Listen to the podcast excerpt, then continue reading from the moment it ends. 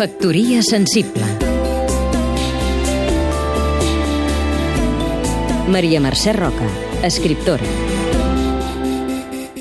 S'ha estrenat al Teatre Jardí de Figueres el musical Isabel, que explica la història de la primera sindicalista catalana, Isabel Vila, una dona que va néixer a Calonja i que va dedicar la seva vida a defensar els obrers.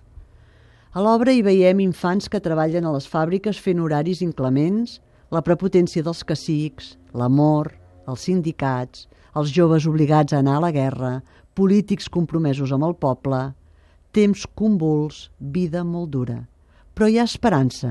Isabel aprèn de lletra i amb la lletra aprèn el sentit d'igualtat, de justícia social, de llibertat i de pacifisme.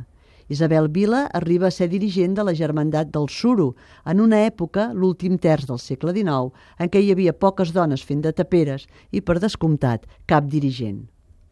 Isabel Vila es va exiliar a Carcassona, s'hi va formar com a mestra i quan va tornar a Catalunya, el 1880, va dirigir una escola per a nenes de la Institució Lliure d'Ensenyança, a Sabadell.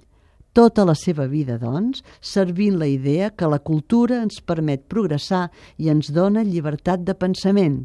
A les nenes també. L'estrena va ser un èxit. Una obra com aquesta requereix talent i esforç. És pedagògica, amena, emocionant, volcànica a parer meu, ha passat massa desapercebuda. Espero que quan giri pel país la gent la vegi, la disfruti, s'enamori d'aquesta dona extraordinària i pugui agrair a la companyia que els l'hagi fet conèixer.